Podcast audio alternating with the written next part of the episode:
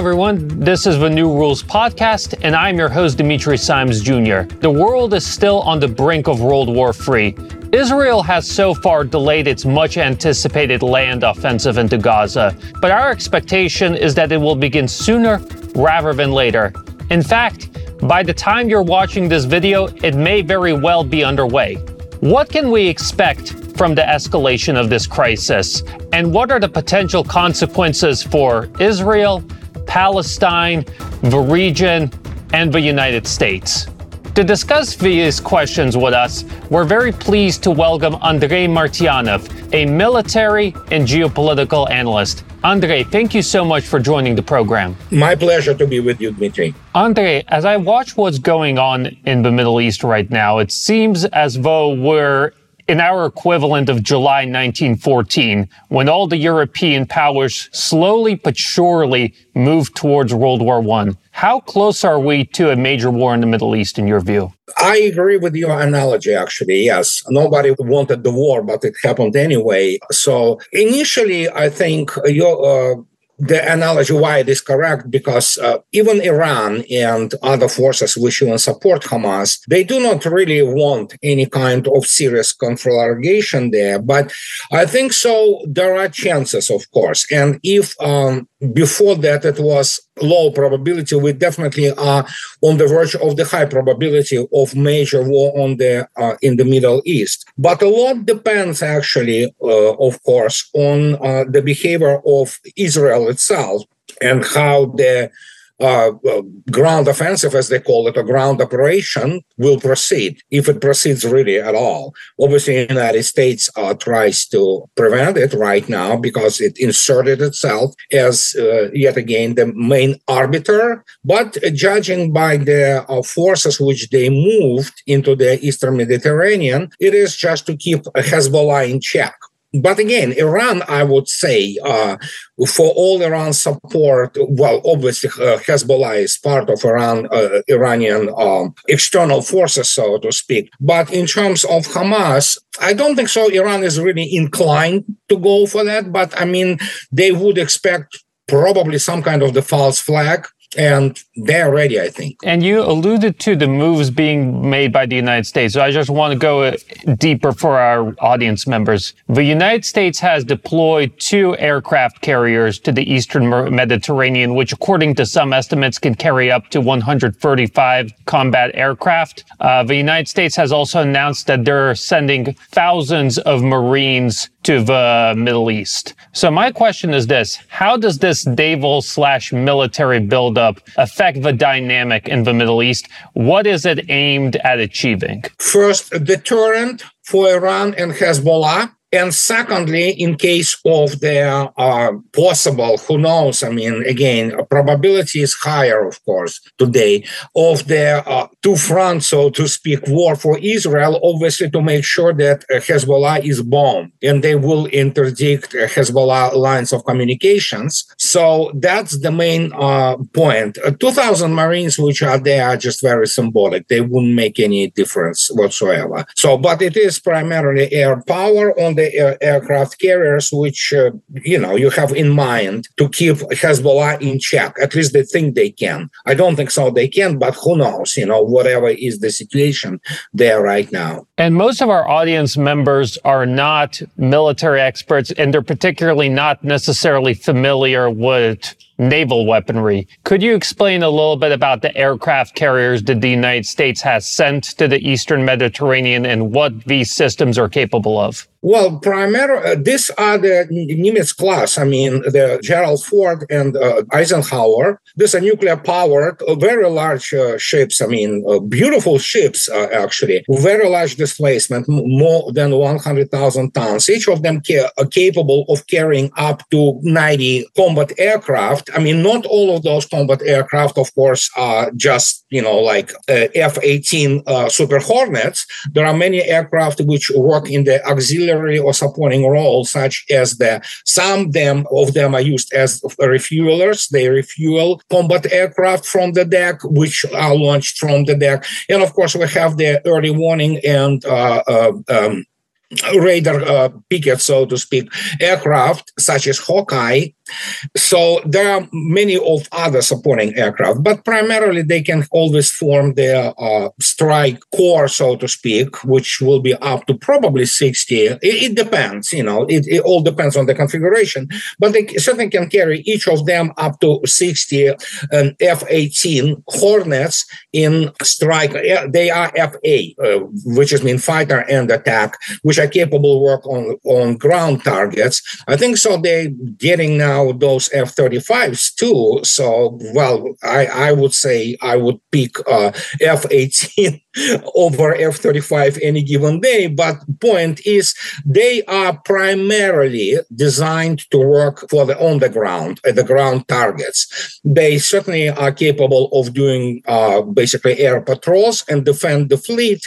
but um, primarily, as uh, experience shows, uh, they are great and main tool of America's power projection into globally around the world. I mean, in the different uh, areas of the world but um, they are, how to put it politely, they are white elephants, so to speak, of the bygone era now. But they certainly could be effective and could be uh, uh, could serve as deterrent against such force as Hezbollah. You said they're white elephants. Why is that? Uh, well, because they're in terms of their real power projections, uh, they are big, fat sitting targets against the modern weaponry, such as anti shipping missiles and hypersonic missiles. So, in this respect, they are not a real asset or rather liability against any major power. And of course, by major powers, we mean two either China or Russia, especially Russia with its uh,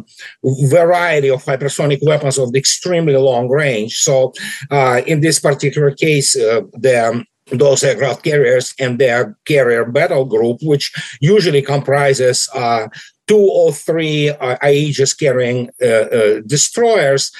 Uh, they are not really any more serious uh, military asset, uh, except for their um, fear factor that of doing some stupid thing. They could be sunk or sunk or dis, basically disabled, and that's pretty much it. In terms of, uh, for example, like for the mission which they have now uh, in the East uh, Mediterranean, they certainly could be useful. But of course, for the price, my gosh, you're looking at Gerald Ford, something like $13 billion, plus add here the air wing, which probably is another five, $6 billion. And I'm talking about airplanes. So you have a single weapon, uh, a single uh, uh, carrier, single ship, which carries on itself almost $20 billion worth of military assets and could be taken out by two, three missiles such as Zircon or uh, Kinzhal. Can you imagine the impact, apart from the fact of them having a very serious cultural and mental uh, uh, influence within the United States? The loss of a single ship uh, can uh, escalate actually in the real war to nuclear threshold because of the political, emotional, cultural, and of course military uh, impact of such a loss. So don't forget, you have also more than six thousand people on the on board of this uh, carrier. That is why it uh, has with itself uh, usually what is called carrier battle group. It has one or two Virginia class submarines which escort the carrier battle group. As I already stated, it has the uh, two to three uh, uh, destroyers. Depending on the circumstances, it could be probably up to four. It has all kinds of the supply ships, prime, uh, and so yeah, it's um, it's a pretty cumbersome operation to put it mildly. But yes, in nowadays with the modern technology, it's practically defenseless. You mentioned that it's setting ducks for major powers like Russia and China. But if there is an escalation and missiles start to fire, the missiles will probably come from Hezbollah or Iran. Do you think that either of those actors would have the means to sink one of these aircraft carriers, or not? Yeah, you don't for Hezbollah. God, forbid, God forbids, of course, we don't want even go there. But of course, for Hezbollah, um, Hezbollah may have access. I'm not 100 percent positive, so don't quote me on that. But Syria Syria has Russian um, made uh, what is called Onyx P800. Uh, its um, expert version is called Yakhont. Anti-shipping missiles. They're not hypersonic, but they are high supersonic. They can reach up to Mach 3 at the terminal. And per the regime of the limiting of the range of those missiles, they have range of 300 kilometers. So that means carriers cannot uh, come closer to 300 kilometers to uh, any shore because there will be uh, basically the danger of being hit. Onyx is a very serious missile.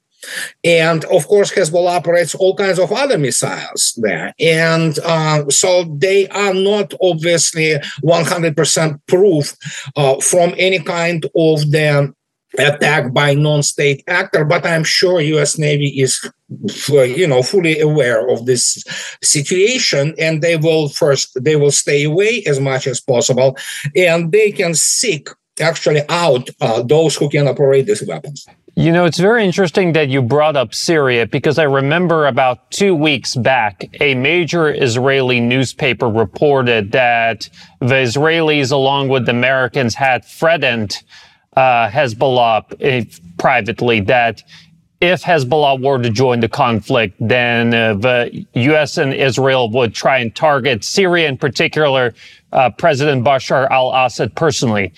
Based on what you're telling us, it seems that if they were to go through with that threat, then Syria could potentially respond in a very serious way as well. Yes, uh, certainly Syria uh, has, how to put it, uh, it has, uh, she has a serious combat experience, obviously fighting ISIS and all those groups which were supported and are supported by the United States. And Syria has some means which can uh, be very dangerous for the United States. But you have to keep in mind that uh, those threats uh, about Bashar al-Assad and uh, attacking Syria, you have Tartus naval base of Russian Navy there, which is what is known a five operational squadron, and you have, of course, air base in Khmeimim, which is stuffed with air defense systems, and of course, it has the uh, serious air wing there, which uh, has both Su-35s, Su-30SMs, and Su-34s and it also is capable of uh, uh, basically getting the type of AWACS planes there, and including the strategic bombers such as Tu-22 uh, M3. So it's a very serious situation in this respect. So they might threaten uh, in private, but uh, they know that if something goes up in Syria, there could be, well, Israel will basically be done pretty much for good. And uh, so, in this particular respect, I would say it was mostly intimidation, and especially talking about the uh, legitimate leader of the uh, state. So, and in this case, that all bets will be off. And again, Arab world today is a well dr- dramatically different from the Arab world of the 20 years ago. So, and uh, that, that has to be considered. It's worth noting that Syria is not the only target destination, so to speak. As the conflict continues to escalate, there's a growing number of people in Washington who are calling for the U.S. to attack Iran. Uh, for example, here is what Senator Lindsey Graham said on Sunday. Let's play the clip. We're here today to tell Iran we're watching you. If this war grows, it's coming to your backyard. There won't be two fronts, there'll be three. So my question, Andre, to you is this. Is the United States ready for war with Iran? No, no, not at all. Uh, Lindsey Graham is a blowhard. He is basically certified war criminal. There's no war Lindsey Graham doesn't like, and he was the guy directly involved in supporting, actually, on his part, uh, uh, for ISIS and Al Qaeda type groups, and he was actually there with them. So, I mean, the guy doesn't know what he's talking about. He does it for the uh, uh, benefit of the first Israeli lobby, obviously, on which he is very dependent in, in Senate and obviously to placate basically people who elect him consistently, despite the fact that he definitely have some serious has some serious actually mental issue. He is emotionally unstable man, and he was calling for bombing pretty much as Babylon Bee was laughing at him making his statement that obviously it was fake, but it was pretty much on point. He said, "Let's bomb the whole world." Uh, Lindsey Graham doesn't understand that the United States is not capable to fight any kind of the serious ground uh, operation at all. What the only thing they can do is to threaten, and they know if they go in in terms of, I mean, again, what can you do? You can send some, you know, tomahawks there. Well, guess what? You the answer will be uh, Iran is not even Syria. Iran is a serious regional power with actually quite significant military uh, potential. And it has some high weapons, including extremely advanced air defense. And um, so United States, uh, obviously those um, statements are primarily made for public and for the benefit of Israel too. But Israel also threatens Iran, but it's, uh, again, it's empty threats because Israel cannot conduct uh, ground operations operation against Iran. And even if it could, it would be decimated. But don't forget, there are 1,200 kilometers separating Israel and Iran. Neither side can actually provide serious uh, uh, deployment of the forces to fight real war, real combined arms. So what's left is primarily air operations, and even this on part of Israel will require direct interference and support from the United States because you, as already stated, 1,200 kilometers, you have to fly it over the territory of, you know, uh, J- Jordan, Saudi Arabia. So good luck getting the permission to do that. Or you can try to circumnavigate it, but then you have to refuel them nonstop, and that's where the United States comes in. So, and that's what we have. It is primarily PR. Uh, reality, of course, is very different. And then people forget Iran has not only good air defense, they have an uh, a pretty outstanding variety of the all kinds of the operational tactical and operational ballistic missiles. And those are not Katyusha missiles. Those are very serious, highly sophisticated with great targeting missiles as uh, United States experienced uh, in 2020 when uh, Donald Trump uh, ordered, I mean, absolutely irresponsible assassination of General Soleimani. And then you had those uh, Iran uh, retaliated at American bases in the Middle East. Iran can literally blow every single American uh, base in the Middle East as retaliation. So we have these uh, dynamics in there, and that's why, for the most part, those are pathos-ridden, uh, you know what, uh, statements to, to the chest thumping, and plus always consider the fact that uh, indeed it's not a stretch. Uh, Lindsey Graham, he is a neocon, neocon, and he's mentally unstable man. You are watching and listening to the New Rules podcast. I'm your host, Dimitri Simes Jr., and our guest today is Andrei Martyanov. So would it be fair to say that if the Israelis and the Americans were to lob Tomahawk missiles and other cruise missiles at Iran, then Iran would be able to deliver an asymmetrical response? Oh, no. Iran will be able to do, deliver both asymmetrical and very symmetrical. The Tel Aviv and Jerusalem would be burning. Uh, that's the point. Iran has, I mean, vast number on highly sophisticated, highly developed uh, uh, ballistic missiles, and now they have, as they claim, I cannot uh, verify it one way or another, but you know, I would expect from Iran they have the hypersonic missiles, and they have a vast number of, of the cruise missiles. So you will have the, uh, my gosh, as I already stated, their uh, response will be not just asymmetrical; it will be very symmetrical, and every single air uh, base, uh, military base of the United States in the uh, uh Middle East will be under attack. I mean, uh, returning to your point about air defenses, I can't help but recall that one of the systems that the Iranians have is the S-300, which is currently in use both by Russia and Ukraine in the conflict. And that system has actually shown itself to be pretty, pretty well, better than Western systems. So it's no bluff when you say that they have a very strong air defense network. the S-300 has recently been tested in Ukraine, and it has shown itself to be a pretty formidable system. Iran has Russian-made S-300 PMU Favorit systems primarily deployed around Bushehr nuclear station, where they're obviously building the nuclear station. And of course, there is a, a pretty large number of Russian, uh, uh, basically specialists working there.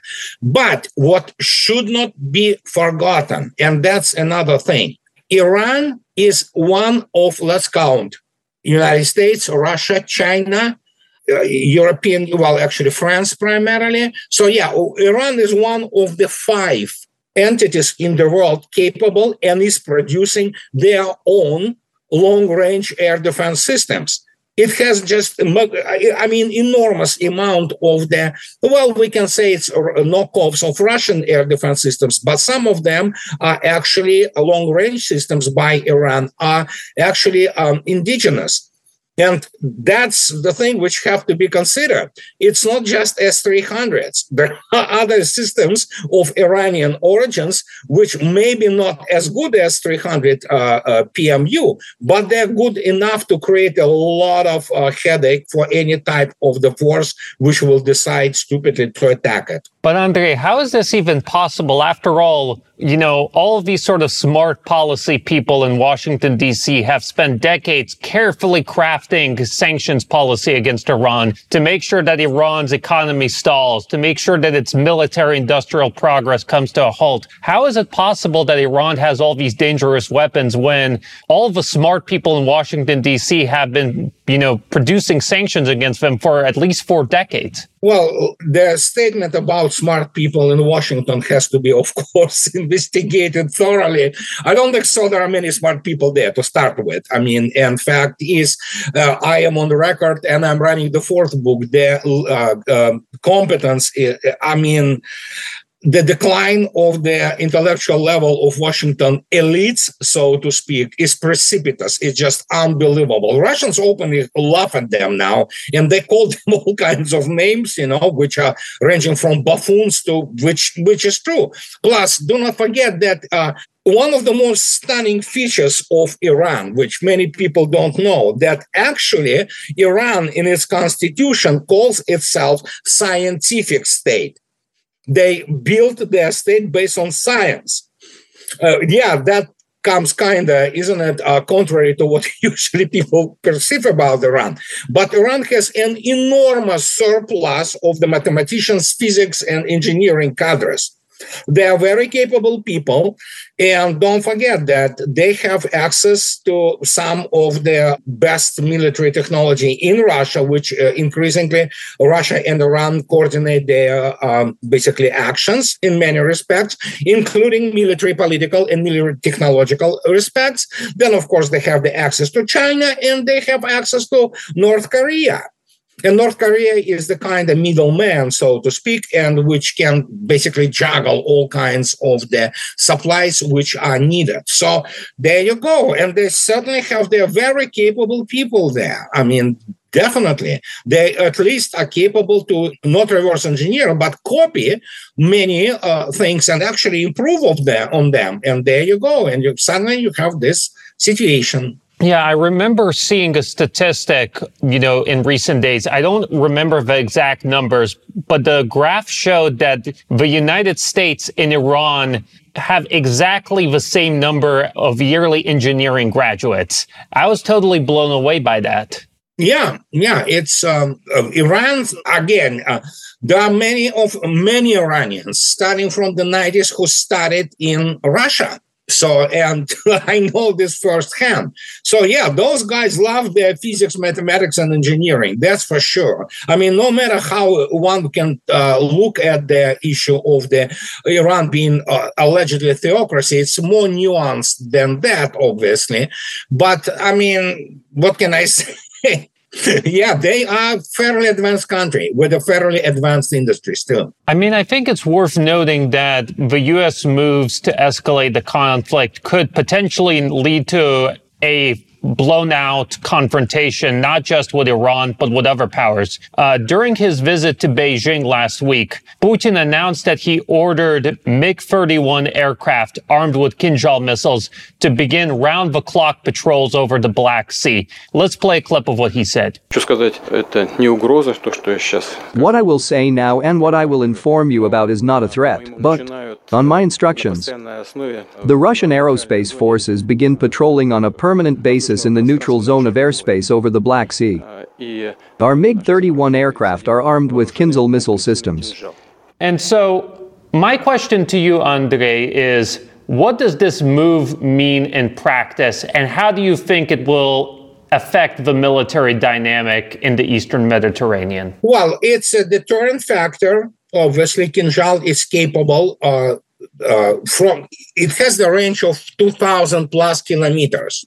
It is uninterceptable, and Kinzhal proved itself dramatically uh, in a special military operation. And well, uh, as we all know, uh, Patriot PAC-3 didn't like it because it was annihilated by Kinzhal and have, hasn't been able to even uh, process the uh, targeting data. And they were launching, uh, you know, whatever they were seeing there, but it, it, it didn't help. So the same uh, goes for air defense of the carrier battle group. As, as Vladimir Putin himself stated, it was primarily response to the deployment of the uh, aircraft carriers in the Eastern Mediterranean because Russians obviously don't like to see any kind of the aircraft being launched and you know flying towards the Black Sea. So that's one of thing, the uh, things, deterrent factor. Plus, do not forget, United States is completely on board 24-7 with ISR, intelligence, surveillance, and reconnaissance, be them the space assets or whatever other s- signal intelligence assets. They are provided to armed forces of Ukraine and to Ukraine in general. So uh, they know, they can see MiG-31 starting you know, taking off. And they uh, always try to warn Ukraine once you have MiG 31 patrolling, that means being already airborne and already patrolling with the uh, speeds which they can accelerate really fast to launch uh, Kinzhal. Suddenly, you also have not only the uh, air, uh, carrier battle groups uh, uh, with the target drone on their backs or flight decks, rather, but you have the capability to radically shorten the time between the launch and hitting the target in Ukraine. And that means means that Russians see what Ukraine does. And if you have MiG 31 in air, you can attack, for example, and just to give you example, 1200 kilometers Kinzhal covers in less than six minutes. Can you imagine this? So if you have the distances to the battlefield or targets within Ukraine, you kind of, you know, reduce this uh, uh, distance dramatically two times. So you have about three minutes from the moment of launch uh, and Kinzhal hits the target. Well, good luck trying to launch any kind of, for example, uh, aircraft which uh, whatever is remaining in Ukraine, uh, especially Su-24s, which are uh, basically modernized to carry the Storm Shadow Scalp missiles, then you will not have time even to just run away, pretty much. And that's also the second benefit for Russians to patrol this in this manner. And uh, yeah, it's kind of you know killing two birds with one shot. Yeah. So I mean, it's clear that this would limit Ukraine's ability to strike against Russia, to be prepared for Russian strikes. Uh, but could you elaborate a little bit more about the first point when it comes to deterring U.S. aircraft carriers in the Eastern Mediterranean? How exactly does Putin's move help Russia do that? People in the United States Navy they obviously are not totally ignorant, unlike it is the case with the Washington, D.C and they know what type of weapon system they look at. And if uh, the deterrence is not to tell people, to tell your opponent not to do stupid things, because the moment the first batch of aircraft is uh, uh launched from the carrier deck and they take course towards Russia, and cross, for example, Bosphorus um, and then enter the Black Sea uh, airspace, the Black Sea airspace in any significant numbers, which would indicate the preparation for the strike, the aircraft carrier is being uh, will be hit.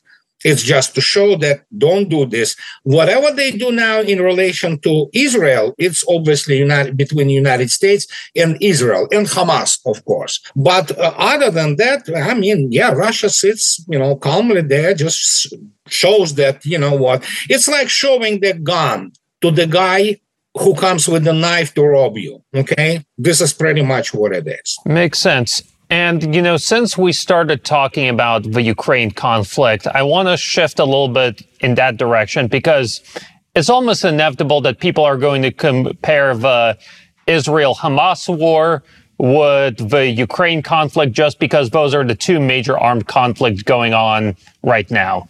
In your view, what are the similarities and differences between these two conflicts? How reasonable is it to compare them? No, absolutely not reasonable. There is nothing in common in terms of, first, uh, the, keep this in mind special military operation is happening right now at the front line, which is more than 1,000 kilometers long. It's 700 miles. And we have the forces and the scale of forces there, which are, you know, even NATO, as General Cavoli stated in January, scale, scale, scale.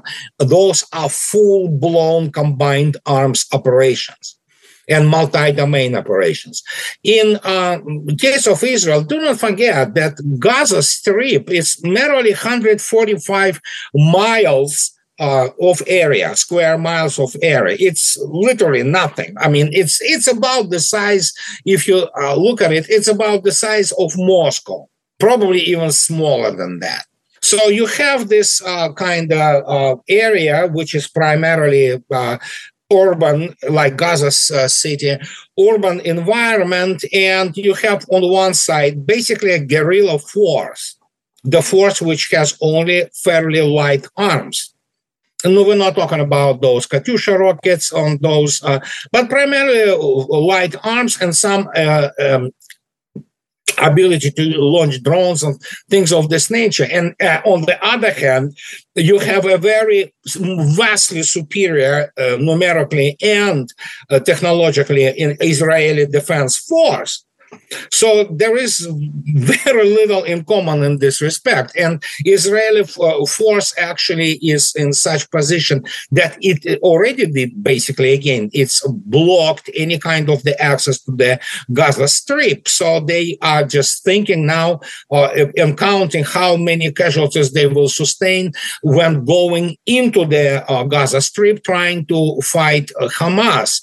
And uh, I think so that. Um, that's very different story really. I mean there are some there is some urban combat for example obviously in special military operations.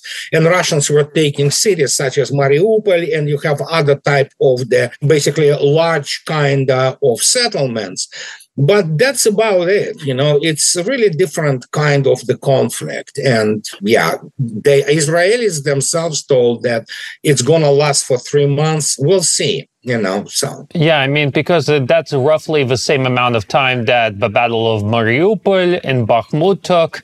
Yeah i can't help but remember that for example in the battle of mariupol you had some of the most experienced and elite units of the Donetsk People's Militia, Sparta Battalion, Somali, Vostok, units that have been fighting since 2014 and really were on the cutting edge of uh, military science. Then you move over to Bakhmut Artyomovsk. You also had troops there who had previously fought in Syria, in Libya, in Africa. So they also were, had plenty of experience fighting in cutting edge conditions. Do you expect the same level of competence from Israeli forces? Because the last time you were on the program, you noted that when you look at NATO militaries, none of them are as prepared for the realities of modern warfare as the Russian or the Ukrainian militaries are. Could the same be said about the Israeli military? Yeah, they are not prepared for this type, uh, especially since now they've been calling the reservists. And it's been, uh, you know what, uh, to put it mildly, if you remove the Israeli Air Force, which is pretty good, you know, at what they do, not that all of what they do necessarily is legitimate, but the point is its uh, IDF, Israeli Defense Force uh, at large, it has to be considered as the very well equipped uh, police force, force for the conduct of the police operations of high intensity. And that's the difference. And uh, again, they go into the Gaza city, what they gonna do? They have some units which are highly trained, highly prepared, the special forces units and things like that. But overall, the army itself, I mean, what what are they going to do? They're gonna go into already largely uh, bombed out Gaza City, the streets covered in rubble, and how do you fight with the tanks and you know so it, it requires a serious training to do that and um, I know they probably studied what how Russians did it. For example, like Mariupol, which was a major, major city, and so um, I don't know. You know, uh, they know they will sustain serious uh, losses there, no doubt about it. They will eventually overcome it. Obviously, they are much better equipped and much larger than Hamas. And eventually, you can uh, consider the uh, fact that they will probably they can do it, but at what cost, at what price? And of course, we have to keep in mind Israel's internal dynamics and Bibi Netanyahu basically being right now as that proverbial rat, cornered rat, because his uh, his basically fate is sealed one way or another, I think. And of course, we need to look after uh, once if this operation starts the reaction of the international community and especially arab world. And i mean it can basically push towards the well it's already happening but it will accelerate uh, the emergence of a completely new configuration of forces in the middle east. You are watching and listening to the new rules podcast I'm your host, Dimitri Simes Jr., and our guest today is Andrei Martyanov. You say that the Israelis probably have been studying what's been going on in the Ukraine conflict, for example, the Battle of Mariupol. But when I look at some of the things that are coming out on social media, I'm not, I'm honestly not so sure because I've seen clips, for example, of Israeli special forces walking down the streets of a city partially controlled by Hamas fighters, and they're just nonchalantly walking around with no, you know, infantry fighting vehicles, no, nothing, you know, accompanying them. You know, there's also the, all these sort of pictures of Ukrainian equipment just out in the open. And a lot of Russian defense analysts have said, aren't they aware that, you know, these are basically sitting ducks for drone attacks. So, I mean, again, to what extent is it reasonable to think that the Israeli military, which again is was considered before October the 7th to be one of the best ones in the world, to what extent is it reasonable to think that these people have actually been keeping up with the news and driving any sort of conclusions from that? I'm sure that on the level of Israel's what would amount to general staff, they definitely study. But you see, that's the issue. It is one thing to know, but it's not enough. You have to understand and most importantly, internalize. That means what? to provide, for example, field manuals for the lower ranks to kind of, you know, trickle down from the level of the operational strategic staffs on the level of brigades, regiments, you know, battalions, and which would also internalize these uh, lessons through the documents of the combat uh, training and basically training troops. And here, yeah, absolutely. I don't think so. Israeli uh, are uh, that proficient on this level, on the tactical level, the level of their squads, platoons, you know, companies and things like that. Obviously, the higher level, operational level and strategic level officers certainly are aware and studied whatever they can. But yeah, it takes a long time to prepare the force and Israeli are not. And we have to keep in mind also that uh, basically, basically, Israeli uh, Defense Force mythology spurs from the 1967 and 1973. And uh, but still, you have to always keep in mind there was a lot of propaganda to it, and there was obviously the issue of the promotion, especially in the United States, of the military capability of Israelis. There was certainly some in 60s and 70s, no doubt about it. Right now, it's a very different force And you know what? so it's like mostly those famous photos, which you, uh, you know, of the Israeli uh, Defense Force girls carrying, you know, M, uh, AR-15, whatever, uh, M16, uh, you know, guns in the public while wearing those cute dresses and things like that, uh, yeah, it's not the sign of any kind of the serious training. And the serious training takes, as I already stated, uh, very many months, to put it politely. You know, the Israelis may have their problems, but I, I can't help but draw our attention back to the United States because both Biden and Janet Yellen have recently claimed that the United States is capable of supporting proxy wars in Ukraine and the Middle East. Let's play the clip for our audience members. Are the wars in Israel and Ukraine more than the United States can take on at the no, same time? Why the United States of America, for God's sake? The most powerful nation in the history, not in the world, in the history of the world. The history of the world. We can take care of both of these and still maintain our overall international defense we have the capacity to do this, and we have an obligation to. We are the essential nation, as to, to, to paraphrase the former Secretary of State. And if we don't, who does? And so, Andre, I, this begs the question Are they right? Can the United States walk and chew gum at the same time? No, no. United States is bankrupt right now. And we all know that. Anybody who has any brains left knows this. They can uh, print more money but the point is what good money is when you cannot buy anything from them?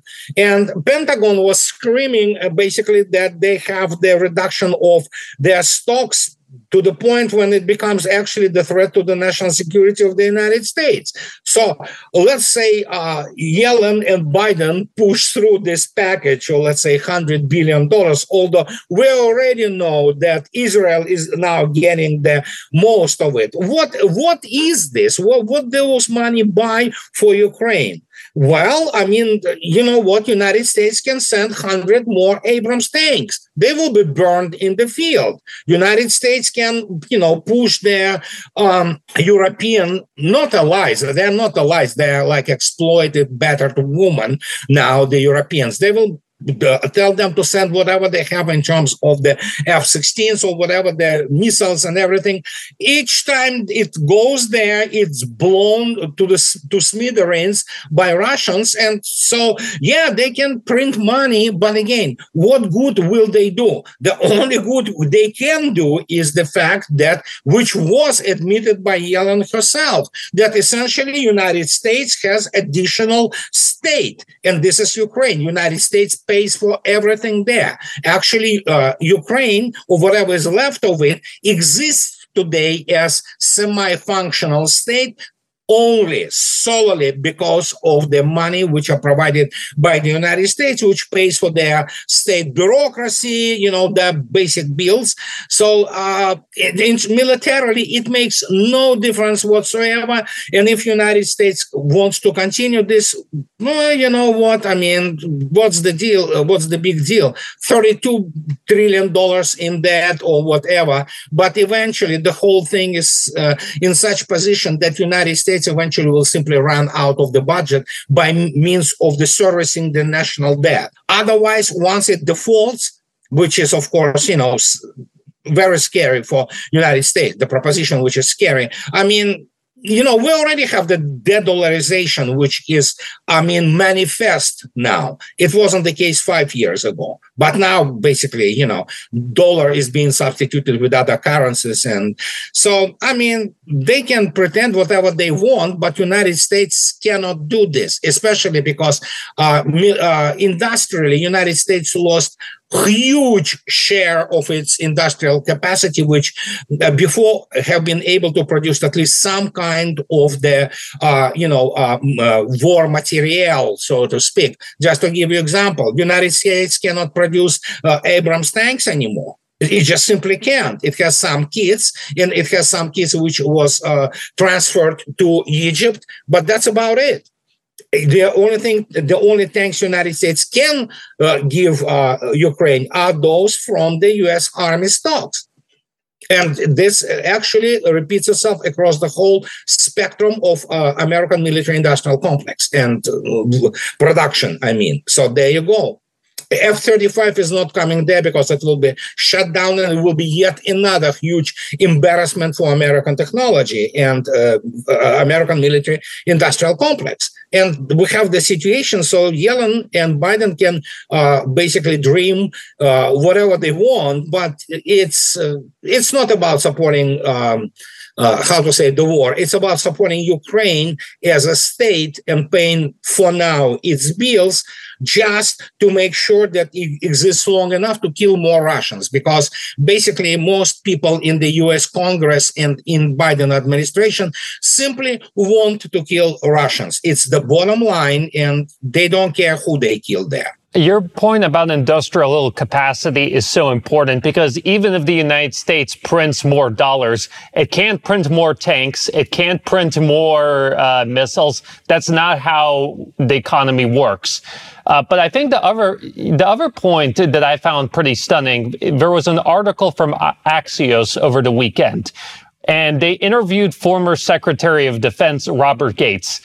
And he said the reason why he's so concerned about these two crises happening on the same time is that he thinks that the White House just won't have enough bandwidth to join to handle it because according to him there's about 8 to 10 people in the White House that handle all of the sort of national security crises that happen. And so that if there's so too much going on at the same time these people are just going to be overwhelmed. Right? Like I I was just you know like so stunned by that because right you think about geopolitics you think about you know powers but at the end of the day if mediocre bureaucrats in Washington D.C. are going to be overwhelmed the United States won't be able to properly mobilize even its existing resources well, Bob Gates should know better. He was both CIA director and secretary of the defense. But the point, you mentioned it, mediocrity is the highest level you can expect there. But primarily, if you look at the at people uh, who come on board in Biden administration, they simply do not have actually competent people. I mean, it's so patently obvious that, for example, Antony Blinken or Jake Sullivan, they wouldn't be allowed to mow the lawns of some oligarchs, Russian oligarchs in, uh, you know, who reside now in France or somewhere. So, and you have this type of people. Just to give you example, the new chief of naval operation, this lady, what's her name? She, uh, she is an admiral. Guess what she has? She has degree in journalism and in management. And she is now chief of naval operation of the united states navy. I mean it's it's bordering on the ludicrous you know to have this. And again as i already stated the decline degradation of the american political class is astonishing. You literally have people who have no clue. You can uh, you can see yourself it from the dynamics of the special military operation. And uh, you can see yourself that those people the only thing they know how to do is pr that's it. The only skill average american politician has is how to reelect him or herself. They don't have any kind of the real statehood uh, skills which is statesmanship skills which allow you to manage the problems, which allow you to control things. They don't have it. Jake Sullivan is a lawyer for crying out loud. I mean, when you look at the list of uh, US presidents and national security advisors, my God, I don't remember any good ones, you know?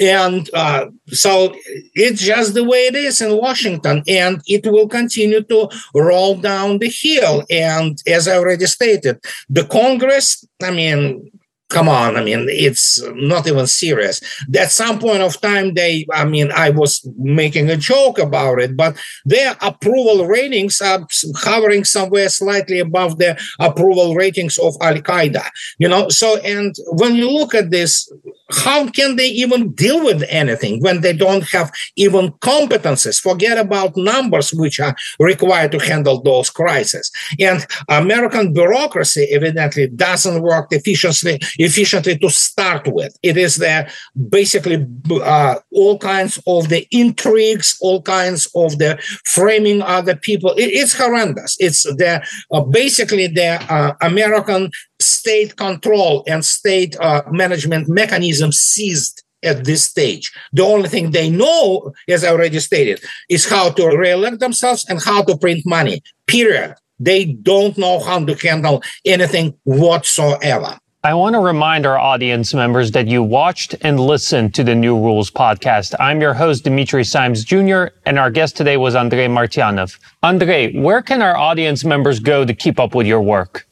Oh, it's basically my blog. It's uh, uh, reminiscence of the future, and of course my channel Smoothie X12 on YouTube. Yeah, don't be uh, actually yeah confused by this name.